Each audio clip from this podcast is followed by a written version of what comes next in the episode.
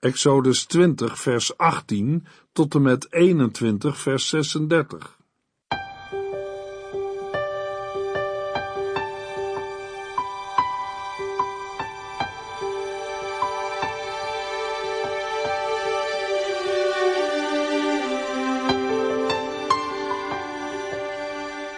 Hartelijk welkom bij De Bijbel Door, een programma van Transworld Radio. De Bijbel Door is een radioserie die u in vijf jaar meeneemt door de hele Bijbel. Van Genesis 1 tot Openbaring 22.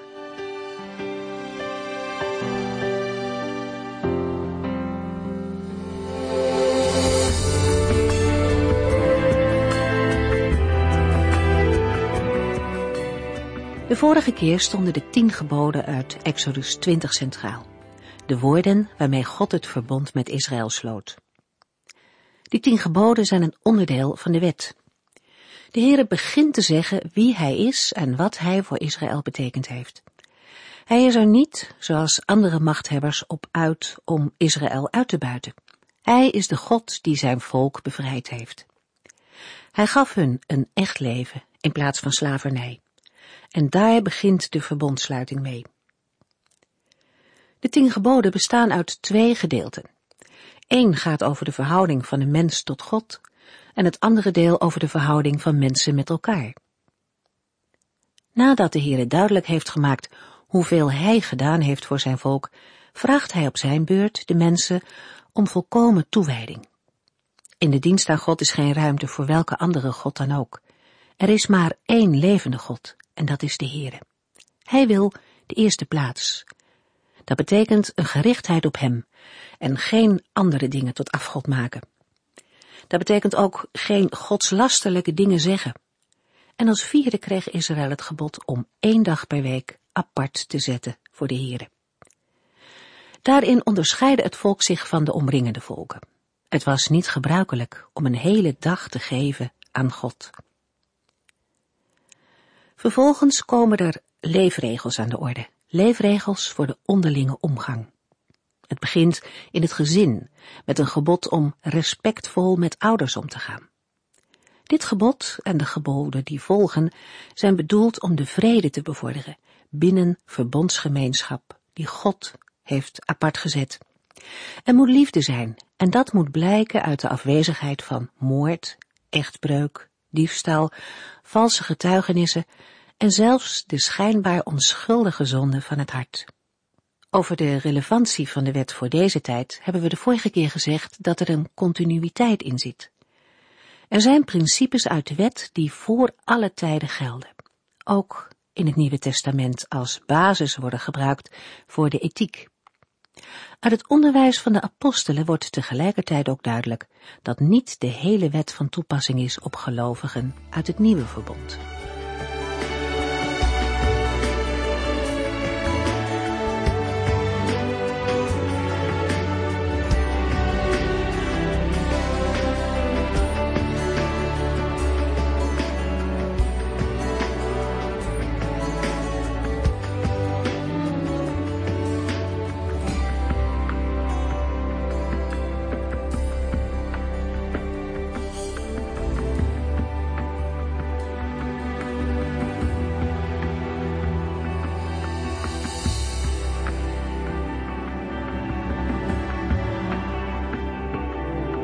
Nadat de Heere zijn verbondswoorden heeft gesproken, komt het moment dat het volk Mozes vraagt om als middelaar op te treden. Het hele volk ziet bijzondere verschijnselen en hoort oorverdovende geluiden. Hoorbaar zijn donderslagen en het geluid van de ramshoorn. Geluiden die ook al voor de afkondiging van de tien geboden hoorbaar waren. Daarnaast blijft de berg in rook gehuld. Het volk ziet ook imposante lichtflitsen. Als gevolg hiervan wordt het volk bang, deinst terug en neemt een plaats in die verder van de Heer is verwijderd. Exodus 20 vers 18 en 19 Het hele volk hoorde de donderslagen, zag de bliksemstralen en hoorde het bazuingeschal op de rokende berg. Iedereen stond op een eerbiedige afstand en trilde van angst. Ze zeiden tegen Mozes, vertelt u ons maar wat God van ons wil, want als hij rechtstreeks tegen ons spreekt, zullen wij vast en zeker sterven. Angstig vragen de Israëlieten aan Mozes om voor hen te bemiddelen. Mozes stelt het volk gerust en deelt hun mee dat het onzagwekkende van de verschijning van de Heer is bedoeld om het volk op de proef te stellen. Exodus 20, vers 20. Wees niet bang, zei Mozes, want de Heere heeft hier zijn kracht laten zien, zodat u zich voortaan wel zult bedenken voordat u tegen hem zondigt. De Heere wil bereiken dat Israël zich bewust is van zijn grootheid en eerbied voor de Heere zal tonen, dat zij niet zullen zondigen. Terwijl het volk op enige afstand blijft staan, gaat Mozes de donkere wolkenmassa in, daar waar de Heer is. Exodus 20, vers 21 tot en met 23. Terwijl het volk op een veilige afstand bleef, liep Mozes naar de berg en betrad de duisternis waarin God zich bevond. Toen zei de Heere tegen Mozes, dit moet u aan de Israëlieten doorgeven. U hebt gezien dat ik vanuit de hemel heb gesproken. U mag naast mij geen andere goden aanbidden. Maak nooit afgoden van goud, zilver of enig ander materiaal. Het is belangrijk om te zien waarom de Heer juist op deze manier aan de Israëlieten verscheen. De Heere wil hen laten zien dat Hij de levende God is. De Israëlieten waren in Egypte opgegroeid tussen de afgoden. Overal werden ze ermee geconfronteerd. Ze zijn erdoor beïnvloed. Sommigen zullen de afgoden interessant en spannend hebben gevonden. Ze kwamen zelfs in de verleiding zelf afgoden te maken. In het vervolg zullen we er meer van lezen. Zij aanbidden liever een schepsel dan de schepper. Nadat Mozes de donkere wolk is ingegaan, hoort hij de verdere geboden van de Heere. De instructie omvat ruim drie hoofdstukken in het Bijbelboek Exodus. De Heere geeft Mozes de opdracht om tot de Israëlieten te spreken. Dit gebeurt nadat de Heere eerst persoonlijk vanuit de hemel tot Mozes heeft gesproken. Het spreken van God begint met een waarschuwing tegen het aanbidden van andere goden. Maak nooit afgoden van goud, zilver of enig ander materiaal. Het is een herhaling en uitwerking van het eerste en tweede gebod van de tien geboden. Daarna komen drie versen die gaan over de manier waarop de offers moeten worden gebracht. Exodus 20, vers 24 tot en met 26. De altaren die u voor mij bouwt, moeten van gewone aarde zijn. Daarop kunt u brandoffers en vredeoffers met schapen en runderen brengen. Op elke plaats waar ik mijn naam laat vereren, zal ik bij u komen en u zegenen. U mag wel altaren van steen voor mij bouwen, maar dan mogen het geen uitgehouwen stenen zijn. Want door de bewerking met gereedschappen worden de stenen ontwijd. Als u een altaar bouwt, mag dat niet via een trap bereikbaar zijn, want dan zouden uw geslachtsdelen zichtbaar kunnen zijn. Er wordt melding gemaakt van twee soorten altaren die geoorloofd zijn, een altaar van aarde en een altaar van ongehouwen steen. Deze altaren mogen gebruikt worden voor het offeren van schapen en runderen ten behoeve van brandoffers en vredeoffers. De offers wijzen naar het verzoeningswerk van Christus.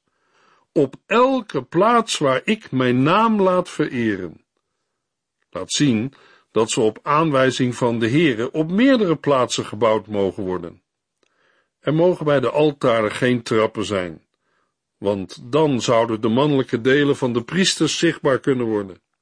Later, in Exodus, wordt aan de priesters de opdracht gegeven om linnen onderbroeken te maken. Exodus 28.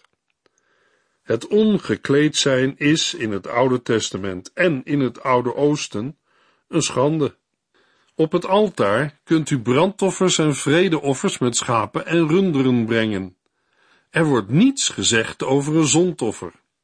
In het licht van het Nieuwe Testament laat het vredeoffer zien dat de mens een offer nodig heeft om met God verzoend te worden.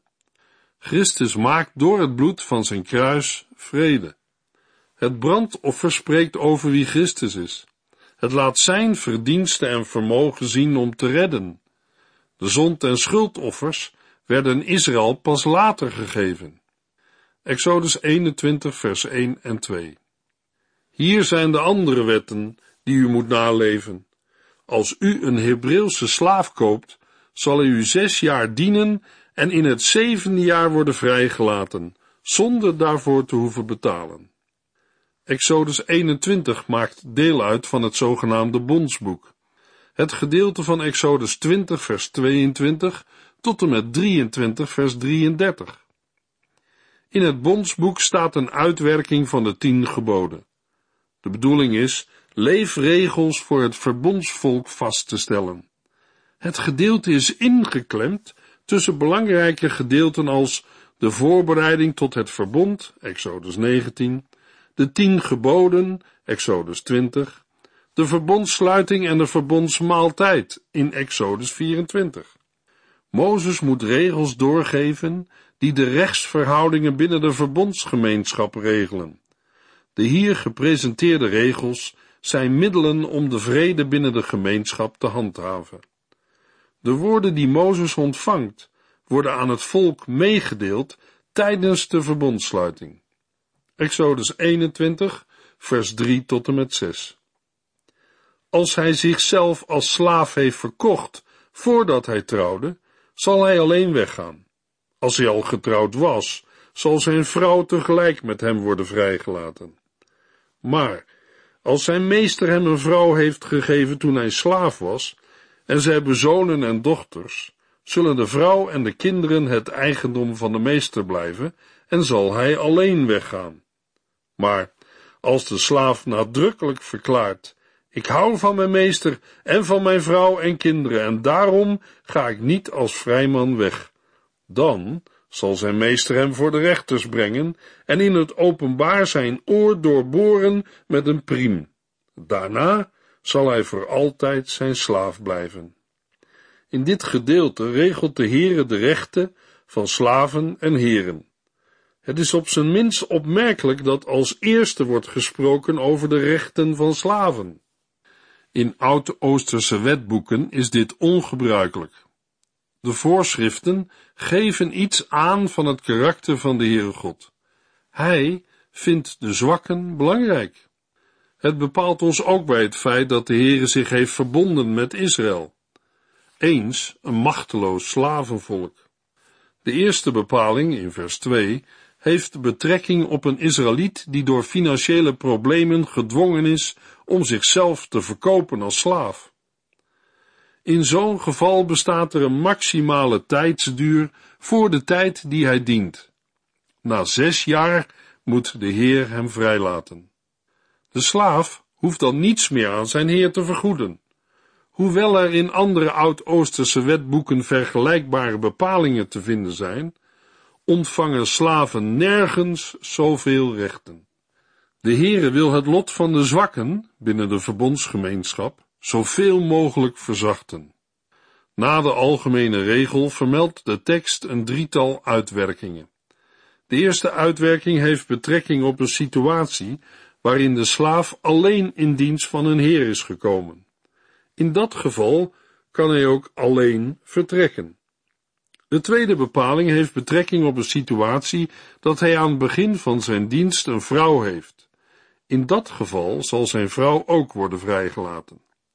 Complexer wordt het bij de derde bepaling. Indien de heer van de slaaf hem tijdens zijn werkperiode een vrouw schenkt, blijft de vrouw samen met de kinderen in het bezit van zijn meester. Dit sluit aan bij de toenmalige gedachte dat de vrouw en de kinderen worden opgevat als bezit van de meester. In de meeste gevallen schenkt de meester hem een slavin tot vrouw. In Exodus 20 vers 17 wordt van slaven en slavinnen gezegd dat zij het bezit van een naaste zijn. In deze derde bepaling laat de Heere zien dat ook de belangen van de eigenaar worden behartigd. De regelingen rond de vrijlating van Hebreeuwse slaven zijn vastgesteld. Nu komt de situatie ter sprake waarin een slaaf, die tijdens zijn dienstperiode gehuwd is, nadrukkelijk het verlangen uitspreekt dat hij slaaf wenst te blijven.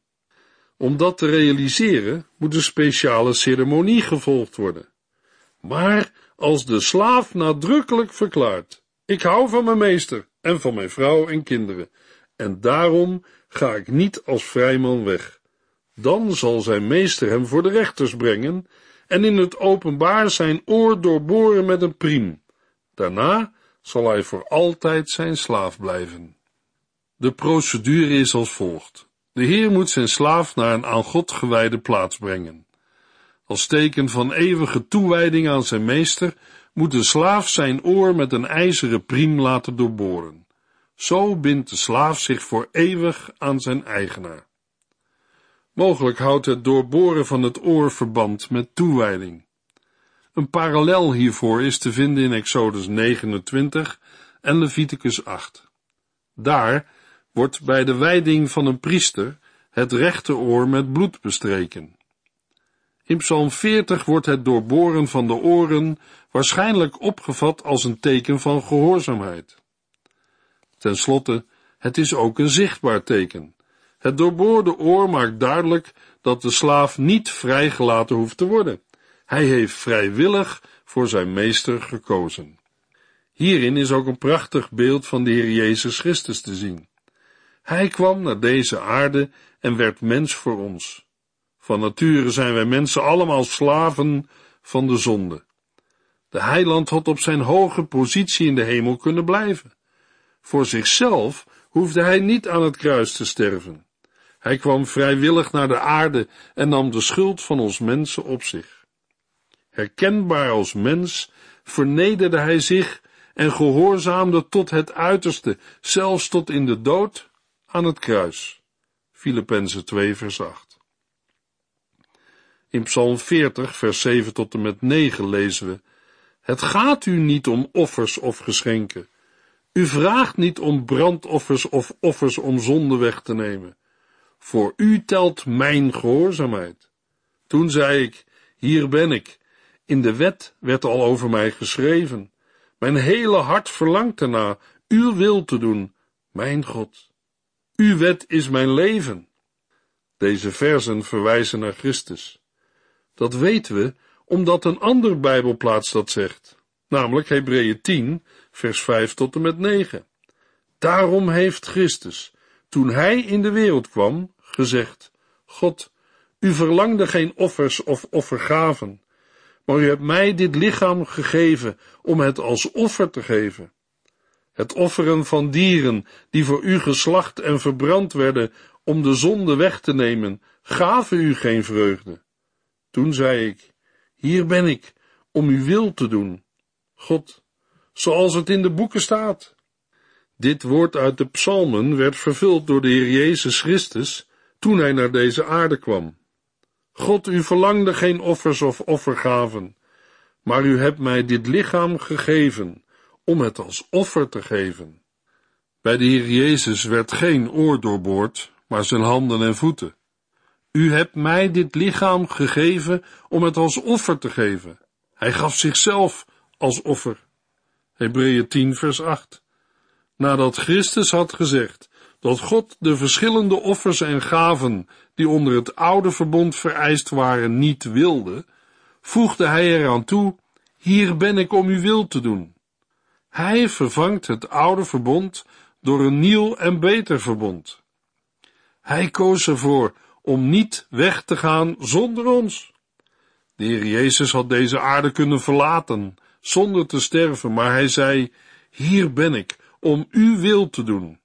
En hij gaf zijn lichaam als offer voor u, jou en mij. Zoveel houdt hij van mensen. Daarom gehoorzaamde hij tot in de dood, zelfs de dood aan het kruis. Zo kon hij mensen verlossen van de slavernij van de zonde. In het licht van Exodus 21 vers 5 zei Christus, ik hou van mijn bruid, mijn gemeente en daarom ga ik niet als vrijman weg. Nadat in Exodus 21 vers 7 tot en met 11 de positie van de slaaf is besproken, komt nu die van de slavin ter sprake. Het betreft een meisje dat door haar vader als slavin is verkocht. De vrouw neemt de positie van bijvrouw van de eigenaar of van diens zoon in. Wanneer de vrouw met wie een huwelijksband is aangegaan na zes jaar wordt weggestuurd, geldt dit als een vernedering voor haar. In haar eigen belang mag zij niet worden behandeld als een gewone slavin. De eerste regel geeft aan hoe zij moet worden behandeld wanneer ze haar meester niet bevalt. Vers 8. In dat geval is het niet toegestaan om haar te verkopen aan buitenlanders. Zij dient door iemand uit Israël losgekocht te worden. Hier wordt scherp het onderscheid getrokken tussen Israël en de wereld. Dit gebeurt uit het verlangen van God om aan de wereld te laten zien wie hij is. Dat wil de Heere doen door het volk dat hij zelf heeft uitgekozen. Het is een gevolg van zijn belofte aan Abraham. In Genesis 12 vers 3. U zult voor alle volken een zegen zijn.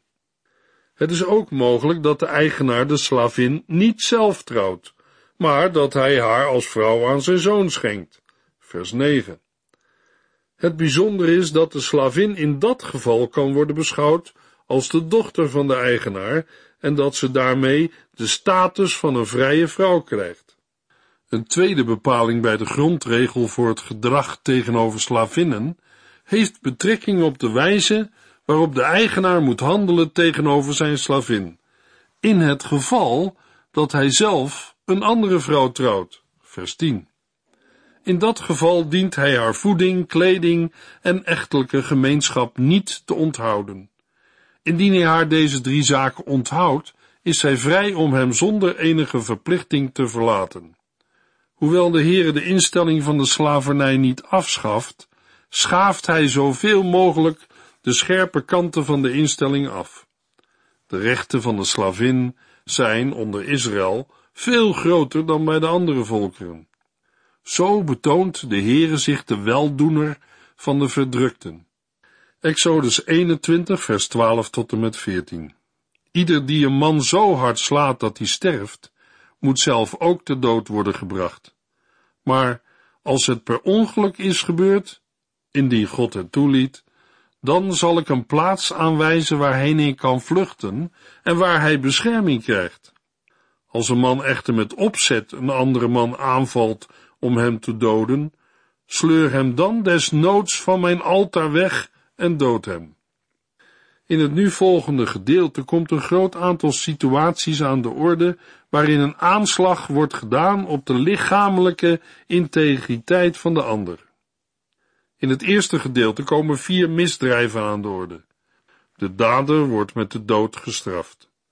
De eerste algemene regel heeft betrekking op doodslag.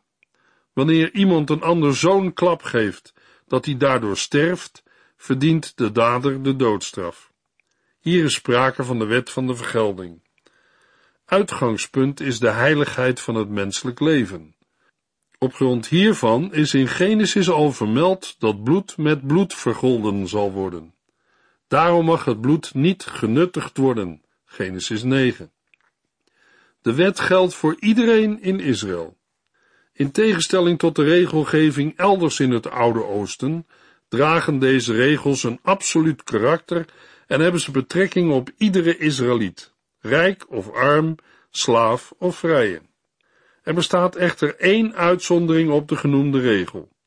Wanneer de doodslag niet opzettelijk is, bestaat een ontsnappingsprocedure. De zaak wordt dan voor een deel verklaard uit de daad van de doodslager en voor een deel uit de voorzienigheid van God. Voor een onopzettelijke dader bestaat een vrijplaats. Wanneer echter duidelijk is dat de doodslager een persoonlijke vijand van het slachtoffer is, is er voor hem geen vrijspraak. Dan zal ik een plaats aanwijzen waarheen hij kan vluchten en waar hij bescherming krijgt. Er waren in Israël zes vrijsteden. Het waren steden waar onopzettelijke doodslagers konden schuilen, totdat de zaak waar ze bij betrokken waren was geregeld. We gaan later dieper in op de instelling van de vrijsteden. Exodus 21, vers 15 tot en met 17. Iemand die zijn vader of moeder mishandelt, moet zeker ter dood worden gebracht. Een ontvoerder moet worden gedood, ongeacht of hij het slachtoffer nog bij zich heeft of dat hij het al heeft verkocht als slaaf. Iemand die zijn vader of moeder vervloekt, moet zeker ter dood worden gebracht. Deze verzen zijn een uitwerking van het vijfde gebod uit de tien geboden, het eren van vader en moeder. Exodus 20. Het respect voor de ouders blijft ook in het Nieuwe Testament van vitaal belang. Efeze 6. Nog even over Exodus 21 vers 16. Een ontvoerder moet worden gedood, ongeacht of hij het slachtoffer nog bij zich heeft of dat hij het al heeft verkocht als slaaf. Een derde misdrijf waarop de dood als straf volgt, heeft betrekking op mensenroof. Dit wordt gedaan met het oog op winstbejag. Dergelijke vormen van mensenhandel kwamen in het oude nabije Oosten veelvuldig voor. Exodus 21 vers 18 en 19 Als twee mannen met elkaar vechten, en de een slaat de ander met een steen of met zijn vuist, zodat hij weliswaar niet sterft, maar toch het bed moet houden, dan mag degene die de slag gaf ongestraft blijven, als de ander weer opstaat en met een stok buiten wandelt. Hij moet alleen de kosten voor de gedwongen rusttijd en de genezing van het slachtoffer vergoeden. Met andere woorden, degene die verantwoordelijk was voor het letsel, moest de gewonde schadeloos stellen, zowel voor de rusttijd als voor de kosten. Bovenstaande wetten en de andere wetten die in de rest van dit hoofdstuk staan, vormen ook de basis van de wetten van ons land. Na de opsomming van misdrijven die de doodslag tot gevolg hebben, komt een hoeveelheid overtredingen die worden opgevat als minder ernstig, maar wel moeten worden bestraft. De versen gaan over rechten van slaven, slavinnen en eigenaars. Na deze uiteenzetting volgt een passage over zwangere vrouwen die hun vrucht verliezen door vechtende mannen. Uitgangspunt is dat mannen een handgemeen hebben. Daarna begint een nieuw gedeelte met maatregelen die genomen moeten worden wanneer vee schade toebrengt aan mensen, andere dieren of zelfs sterft door in de put te vallen. In de volgende uitzending gaan we verder met Exodus 22. Het gaat dan over persoonlijke eigendom.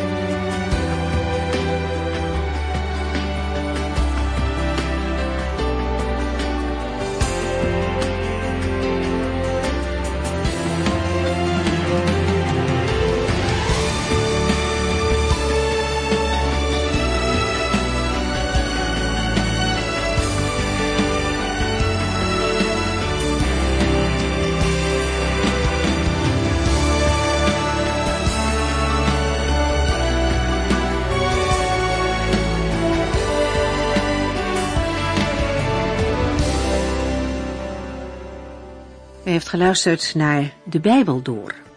In het Nederlands vertaald en bewerkt door Transworld Radio. Een programma waarin we in vijf jaar tijd de hele Bijbel doorgaan. Als u wilt reageren op deze uitzending of u heeft vragen, dan kunt u contact met ons opnemen. Tijdens kantooruren kunt u bellen op 0342 47 8432. 0342 47 8432. 32. Ook kunt u een e-mail sturen naar de Bijbel transworldradio.nl en natuurlijk kunt u ook via de post ons bereiken. TWR, postbus 371, postcode 3770, AJ in Barneveld.